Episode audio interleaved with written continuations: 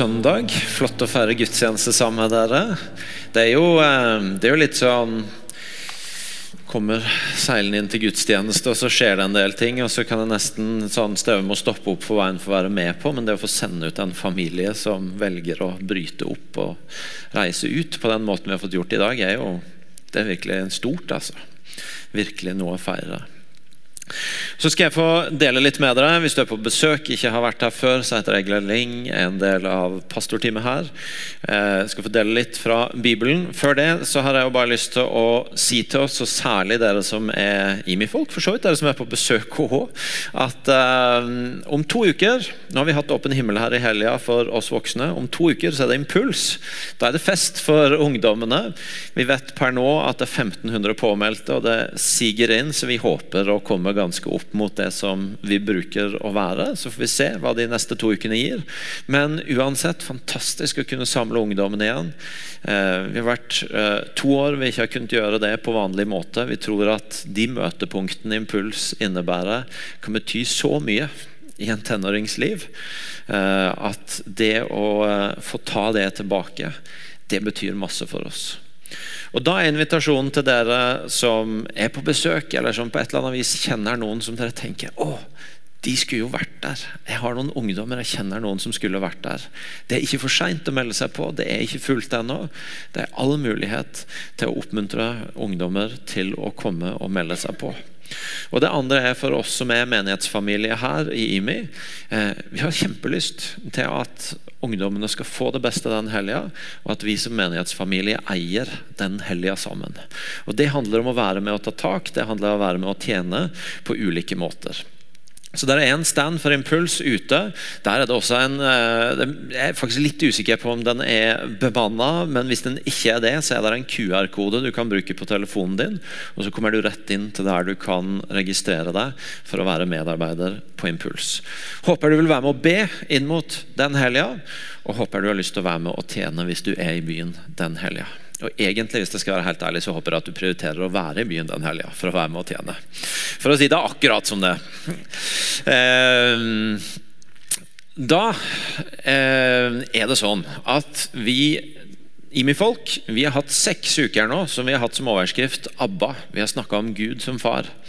Og Dere som har kommet på besøk denne helga for å være med på konferanse For det første må jeg si eh, det er et privilegium at noen velger å reise hit og sette av tid til å være med oss ei helg. Vi tar det ikke for gitt. Tusen takk for at dere kommer og velger å være sammen med oss. Det er virkelig et privilegium. Ehm, og Dere har også vært med på ei helg som har handla om Gud som far. og det vi kanskje særlig har forsøkt å gi rom for i helga, det har vært eh, dette å se inn på hva, hva skjer når en, når en, møter Gud som far. Hva skjer når en går fra å kanskje ha hørt om det, ha kunnskap på det, til å, at det flytter ned i hjertet, og at en har et forhold til at Oi, Gud er min pappa. Og hvordan blir livet annerledes når det skjer? Hva er blitt annerledes etterpå? Vi har hørt forskjellige historier og vitnesbyrd og fortellinger om sånne møtepunkt, og om hvordan det betydde en forskjell i livet. Og så har vi jo forsøkt å gi rom for at dette kan være et sted for sånne møtepunkt. For erfaringen, for å møte Gud som pappa på ulike vis. Og vi har hørt noen ganske sånn sterke statements om at noe blir annerledes når en faktisk får ta imot og kjenne og leve i at Gud er min pappa. Eh, Øystein sa her i går at det er bedre å være med etter at jeg skjønte at han ikke bare tåler meg, men han liker meg. Eh, Ole snakka om å gå fra å ha veldig lite tro på at han kunne utrette noe, bli noe, til å finne en sånn trygghet i at Gud var hans far. Og Jeg kunne gitt forskjellige eksempler. det er ganske sånn sterke statements. Ikke så mye om at Gud hjalp meg til å oppnå et eller annet eller komme et eller annet sted. Men at Gud som min far gir meg et annet utgangspunkt for å møte livet. Og for å møte det som er dagene mine. Og så og De av dere som var der i går formiddag, jeg sa noe om det da òg, men eh, så har det slått meg i disse historiene at at noen ganger så gir Gud oss et møtepunkt, og andre ganger så gir han oss et såkorn til å ta med inn i en prosess.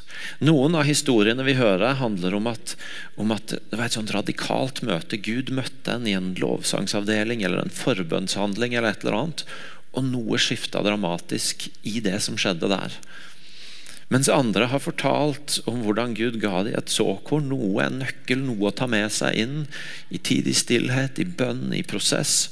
Og så får prosessen lov til å eh, gjøre at det vokser fram en annen relasjon og en annen innsikt i at Gud er min pappa. Og Vi er forskjellige. Jeg tror Noen av oss har kjempelyst på det radikale møtet. Syns at det ser herlig ut og spennende ut. Og Noen syns kanskje strengt talt at det ser litt ukomfortabelt ut og kan gjerne tenke seg å ta med noen såkorn hjem og holde på med det på egen hånd. Eh, og så er jo poenget at eh, Gud er verken kjip når han ikke gir oss møtepunktet, eller har behov for å sette oss i en situasjon vi ikke liker, når han gir oss det. Men han ser hva vi trenger. Han vil gi oss det beste. Enten det er det radikale møtet eller det er såkorn å ta med seg hjem, så gjør han det ut fra at han ser hva vi trenger og vil gi oss det beste. Og så har jeg lyst til noen minutter i formiddag, når enten vi reiser hjem fra konferanse eller vi avrunder seks uker med dette fokuset, og bare prøve å si noen ting som vi kan ta med oss til å fortsette fokuset. For det om vi ikke skal tale om det her de neste ukene, eller vi skal være på konferanse sammen. Bare noen enkle ting som kanskje kan du ta med deg det inn i din egen prosess, inn i dine egne bønner, din egen tid med Gud, som et utgangspunkt for at å, ok, jeg har lyst til å bli levende i at Gud er min pappa. Og Det første jeg tenkte litt på da, det var det slo meg eh, gjennom helga når jeg hørte på noen av de historiene om å møte Gud som pappa, Gud som far. At det er noe i det som skjer med oss, det vi oppfatter når vi trer fram for Gud, og hva vi på en måte opplever og forventer å møte der. Hva slags mottakelse er det vi opplever og forventer å møte når, når vi nærmer oss Han? Øystein fortalte i går om hvordan en fremmed fyr hadde stått og klemt rundt han i et kvarter eller noe sånt. Uh, og det føltes ganske sånn Han hadde til og med vurdert å fake at han sa eksamen for å komme seg ut av det. Og så hvisker Gud til han. Og Øystein sier jeg kunne sikkert holdt et to timers seminar om hvem Gud er som far, men i det så hvisker Gud til han like ukomfortabel som du er nå. Er du med å sitte på mitt fang eller med å møte min omfavnelse? Og så skjer det et skifte når han skjønner at å ja, jeg blir tatt imot av Gud på en annen måte enn det jeg intuitivt forventer. Eirin fortalte fredag kveld om at hun var i en sånn, så, så seg sjøl inn i et sånt bilde hvor hun kom gående opp til et hus hvor Gud sitter på verandaen.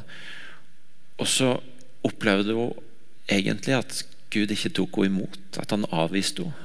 Og så skjønte hun at men det er jo ikke sant, det er ikke sånn Gud er. Og så måtte du bruke tid på å resette sannheten. Sånn at forventninga om som, hvordan Gud møtte og hvordan Gud tok henne imot, ble en annen. Karen fortalte i går om en opplevelse at Gud kom imot henne med åpne armer, omfavna henne. Og Det tenker jeg er noe av det første å ta med seg vi skal, hvis vi skal ta med oss dette videre inn. Det, det er å faktisk stoppe opp for det der Ja, jeg kan, jeg kan, si at Gud er min far, jeg kan sikkert sitere bibelvers på det, jeg kan gjengi noen punkter som har vært talt om, men hvis jeg setter meg ned tenker at nå er det meg og Gud her, hva er det egentlig jeg opplever å møte da? Hvordan er det jeg, ikke bare med kunnskapen min, men i hjertet mitt, i følelsene mine, om du vil, forventer at Gud tar meg imot? Det kan jo være litt utfordrende, fordi at uh, da må du faktisk ikke bare tenke på hva du kan, men da må du jo kjenne etter. Og Noen av dere er sikkert gode på det. Jeg er ikke så god på det. Så hvis det kan være til noe hjelp, så kan jeg si jeg bruker å si til vennene mine at jeg har det prinsipielt bra. Um, og Det betyr at uh, jeg tar egentlig for gitt at jeg har det bra. Jeg. Det er mitt utgangspunkt for å møte livet. Jeg våkner veldig sjelden opp en morgen og spør meg sjøl hvordan har du det i dag. Jeg tenker nei, jeg regner med at jeg har det bra. og eh, eh, Det er mange ting som er bra med å møte livet med at glasset er halvfullt og ikke halvtomt, og at en på en måte tar utgangspunkt i at ting er bra. Men en stiller med et lite handikap av og til når en faktisk skal kjenne etter. Eller finne ut hva hva, hva, skjer nå? Hva opplever jeg nå? Hvordan har jeg det nå? Det er ganske lett også da å gå inn og ha vært kristen hele livet og jobbe som pastor og stå og undervise og bare tenke at nei, jeg regner jo prinsipielt sett med at Gud tar meg godt imot òg.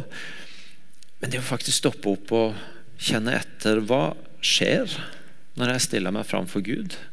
Har jeg en opplevelse av at han tar meg imot? Kjenner jeg igjen bildet fra Lukas 15 av at han kommer løpende mot meg, omfavner meg, er glad for å se meg, liker jeg meg. Det kan være mange grunner til at vi sliter med å kjenne etter. Det kan hende at vi er så travle at det blir ikke til hjelp om vi skal kjenne etter i tillegg. Har mer enn nok med å komme oss igjennom det som står foran oss. Vi vet godt at det kan være at ting er såpass Vi vet at hvis vi kjenner etter, så er det egentlig noen ting som gjør såpass vondt der at det er veldig fristende å la være. Det kan være, Jeg snakker med ganske mange som vil bare si at Nei, vet du noe, jeg, har, jeg er bare ikke vant til å snakke om sånt. Hjemme hos oss så snakka vi aldri om hvordan, hva vi kjente eller følte, eller hvordan vi hadde det. Vi snakka om hva vi skulle gjøre, og hva som sto på planen, og, eh, og dagen, altså, hva, hva, som var dagens plan, osv. Og, og så er det vanskelig å gå inn i det rommet. Jeg har ikke språk for det engang. Men jeg tror faktisk at noe av det med å ta dette videre handler om å ikke bare sikre at du kan det, men å prøve å stoppe opp og Ok, men hvis det er hvis jeg går opp den veien til den verandaen Gud sitter på, eller hvor det nå måtte være du ser for deg at han er, hva er det jeg møter da? Hva er det ikke bare hodet mitt, men hjertet mitt sier at han tar meg imot?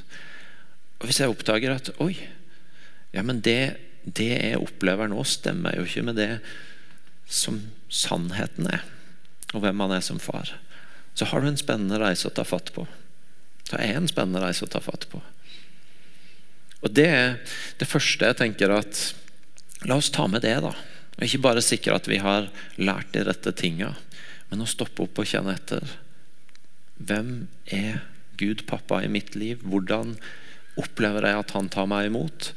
Og hvis min opplevelse og sannheten ikke stemmer, den reisen imellom der for å komme til et sant og rett bilde av hvordan pappa tar meg imot.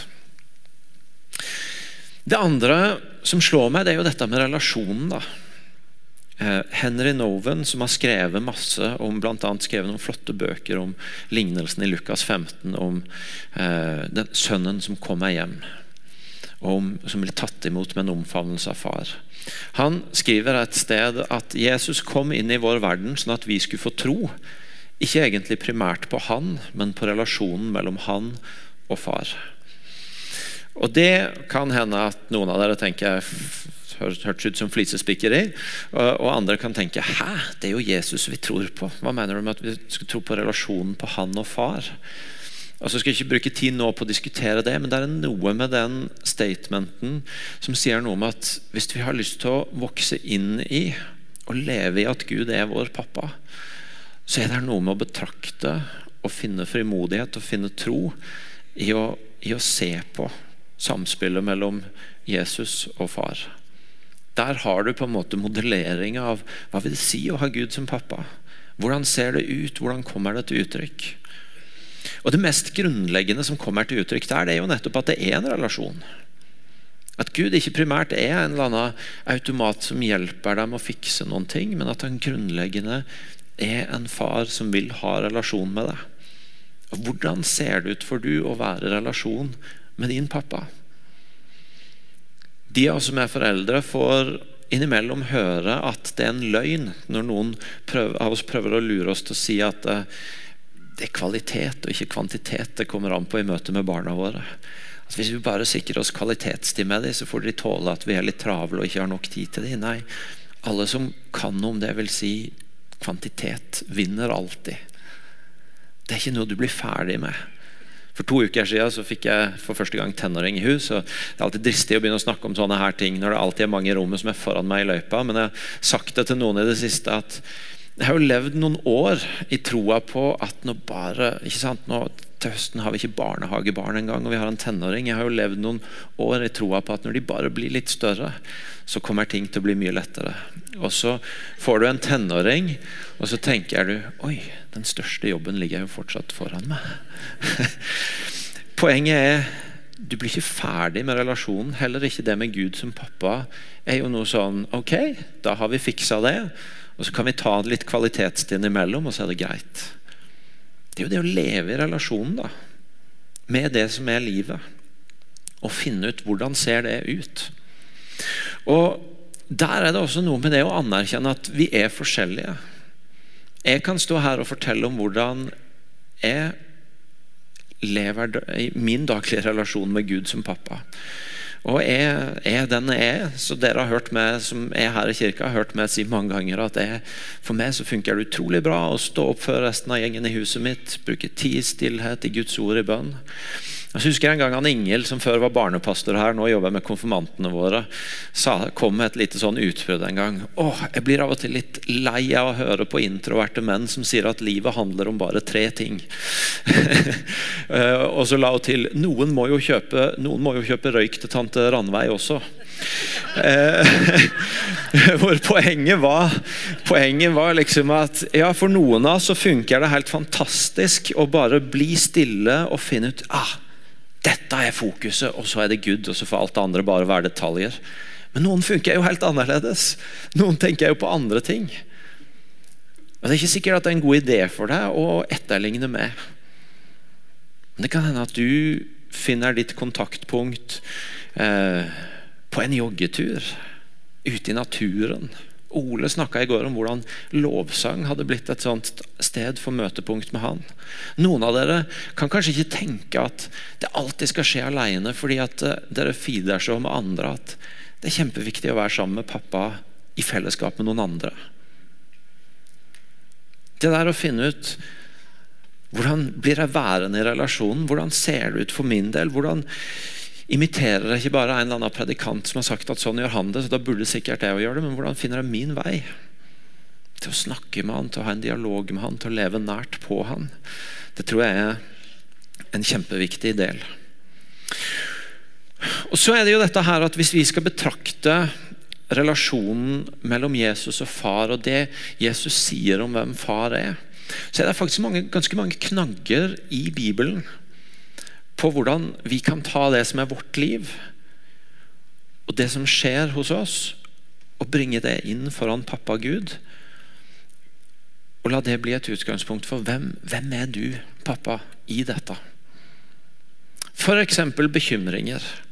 Jesus sier jo om bekymringer. Derfor sier jeg dere, vær ikke bekymra for livet, hva dere skal spise eller hva dere skal drikke. Heller ikke for kroppen, hva dere skal kle dere med. Bekymring. Masse definisjoner på hva bekymring er. For I mitt liv så tror jeg vil si det sånn at bekymring det er når jeg tenker på noe, og gjerne bare tenker mer og hardere på noe, men jeg kommer ikke nærmere verken en løsning eller fred, men stressnivået bare øker. Det er sånn bekymring fortoner seg i mitt liv. Og Vi kan ha forskjellige ting som vi lett begynner å bekymre oss på. Jeg kan for si at En ting som, som, kan være en sånn trigger i mitt liv, kan være økonomi. Jeg, jeg vokste opp med å aldri mangle noe, men heller aldri ha veldig at familien vår hadde veldig mye mer. og Økonomi var ofte et sånn tema for en del usikkerhet. Og det, Selv om jeg nå har det jo kjempebra, utvid brillene litt, så er du jo ekstremt privilegert.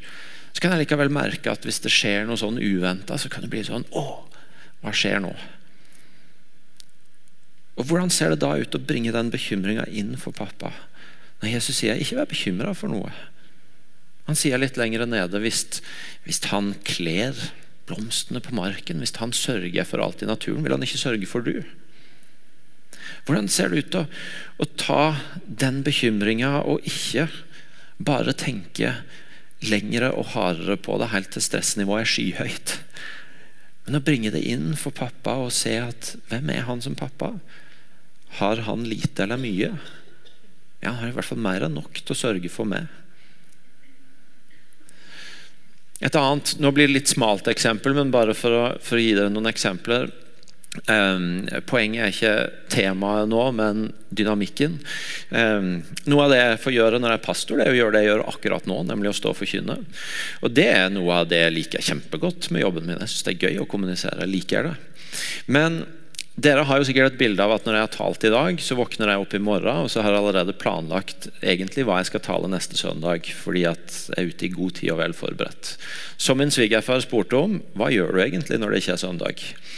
Eh, eh, og det har skjedd, men det skjer jo også at du kommer til torsdag og fredag og lørdag, og du vet egentlig ikke hva du skal si i morgen.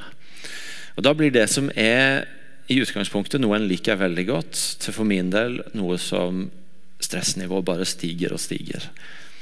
En, jeg kan alltids komme opp med et eller annet, men den der følelsen av å ikke vite hva er på Guds hjerte, hva er, hva er det som lever her? Det å ikke bare formidle kunnskapen, hva er det som gjelder å si nå? Det å ikke det å liksom, Klokka tikker. Søndag klokka 11 kommer jeg jo uansett. Liksom. Du kan ikke ringe og si kan vi utsette det til i morgen. Eh, det er en dritfølelse.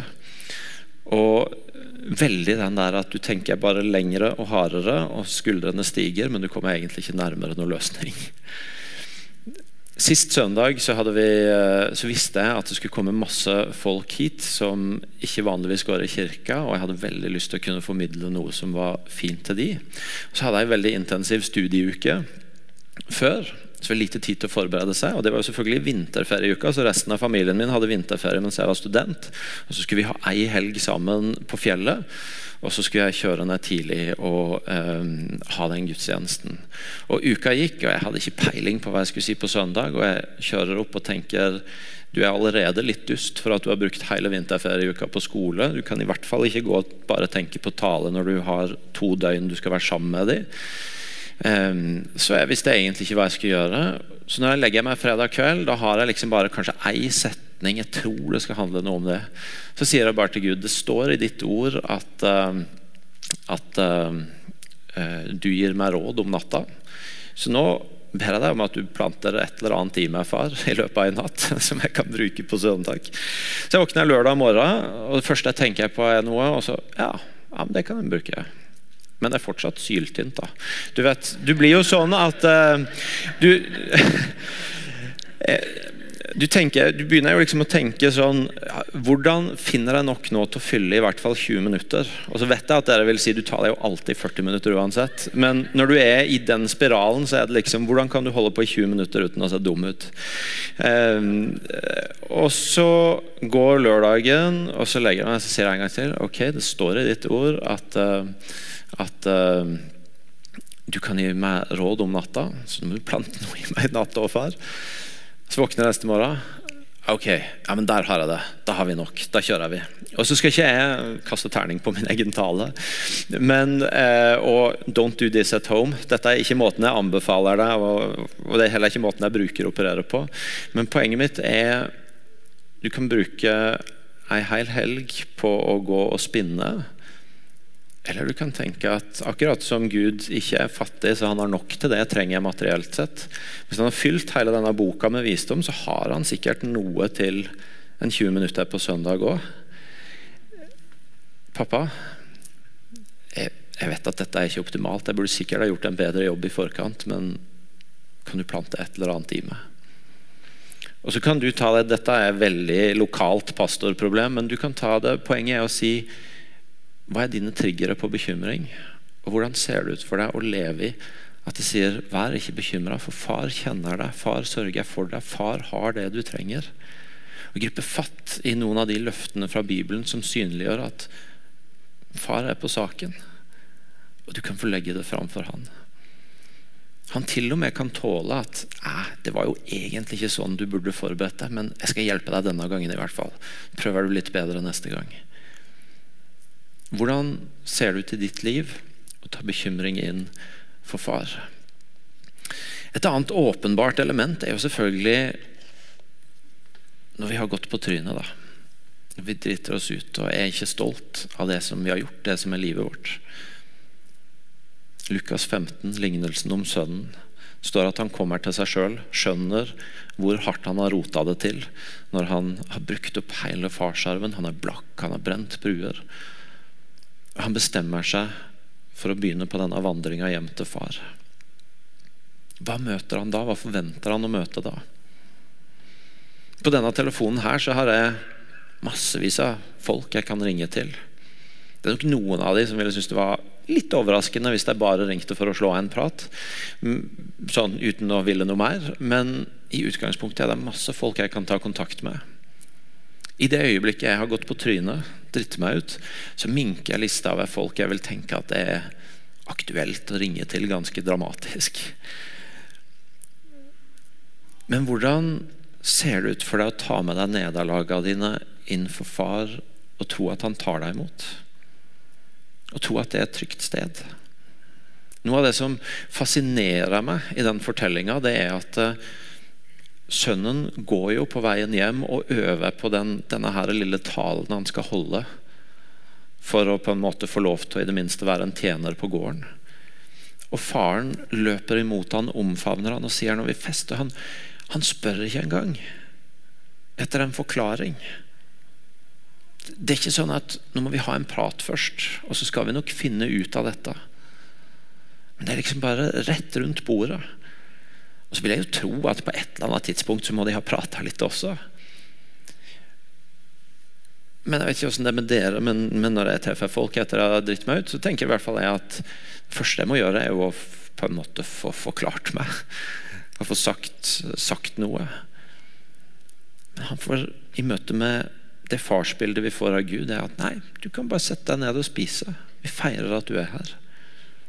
Og Så kommer sikkert tida hvor vi får snakke om det som gikk galt òg. Hvordan ser det ut for deg å ta nederlagene dine inn og, og, oppleve at hos pappa Gud er det trygt å komme? Et trygt sted å være. Et tredje eksempel kan være retning i livet. Jesus han, eh, han sier jo i Johannes 4 at 'min mat er å gjøre det han vil' han som har sendt meg, og fullføre hans verk. Og I Johannes 5 så sier han sønnen kan ikke gjøre noe av seg sjøl, men bare det han ser sin far gjøre. Det hender jo at vi lurer på hva skal, vi gjøre her i livet. Hvordan skal jeg bruke livet mitt? Hvordan skal jeg bruke tida mi? Og så kan det være ganske sånn Det kan være krevende å navigere mellom det å tenke at jeg har fått et liv, jeg har fått gaver, jeg har fått noen ting av Gud. Det har jeg lyst til å bruke for en hensikt. Og det som pumpes mot oss fra verden rundt av alt vi skal oppnå, hva det vil si å være vellykka, hva det vil si å på en måte ja, ha noe å vise til. Og så Et sted imellom der så modellerer Jesus noe som sier at min mat er å gjøre det som far vil jeg skal gjøre. Jeg kan bare gjøre det jeg ser han gjøre. Hvordan kan det se ut for deg når du blir usikker på framtida di, på nåtida for den del, og hva du skal bruke dagene dine til, gavene dine, livet ditt. Og ikke tenke at 'jeg må finne ut av det', og så kan jeg komme til pappa Gud og spørre om han kan velsigne det. Men å komme til pappa Gud med å si 'jeg vet ikke', men min mat er jo å gjøre din vilje, så kan, kan, kan du vise meg? Kan du lede meg? Og at det er et trygt sted å ha den samtalen. Og så kunne jeg fortsatt å bruke eksempler. F.eks. når vi er redde eller er i sorg. Jesus som er i Getseman og Far, kan, kan, jeg slippe dette? Eller når de er ute på, på havet og det stormer. Jeg kunne gitt mange eksempler, men poenget er i å leve i den relasjonen til Gud som pappa, så gir Bibelen og bildet av relasjonen mellom Jesus og far oss masse eksempler på hvordan vi kan ta våre liv. Bekymring, nederlag, framtid, sorg. Og bringe det inn til pappa og tro at det er et godt sted å være. Det er et godt sted å bli tatt imot. Det er et godt sted å finne fred. Ikke med Gud som en brusautomat som løser det, men at relasjonen i seg sjøl til far et godt sted å være for å settle bekymringen, for å eh, finne ut av og komme seg videre fra nederlaget, for å finne retning på framtida osv. Så, videre. så det er min invitasjon til oss idet vi går ut av denne serien og vi går ut av eh, også fokus i helga. Nå er ikke helga helt ferdig, for vi skal også ha G18 i kveld. og Der blir det et kjempefin formidling eh, om å finne hvile hos far. Men for nå Hvordan ser det ut for deg å bli værende i det? Å finne ut av hvor er dette møtepunktet med meg og pappa? Har jeg på plass en trygghet på at han tar meg godt imot? At han liker meg? Har jeg funnet min måte å leve i nærkontakt med han på, som passer min profil og den personligheten jeg er? Og Kan jeg ta noen av de tingene jeg møter i livet, og lære av Jesus og far, og på samme måte bringe mitt liv inn for far i de ulike tingene jeg opplever? Skal vi reise oss opp og be sammen?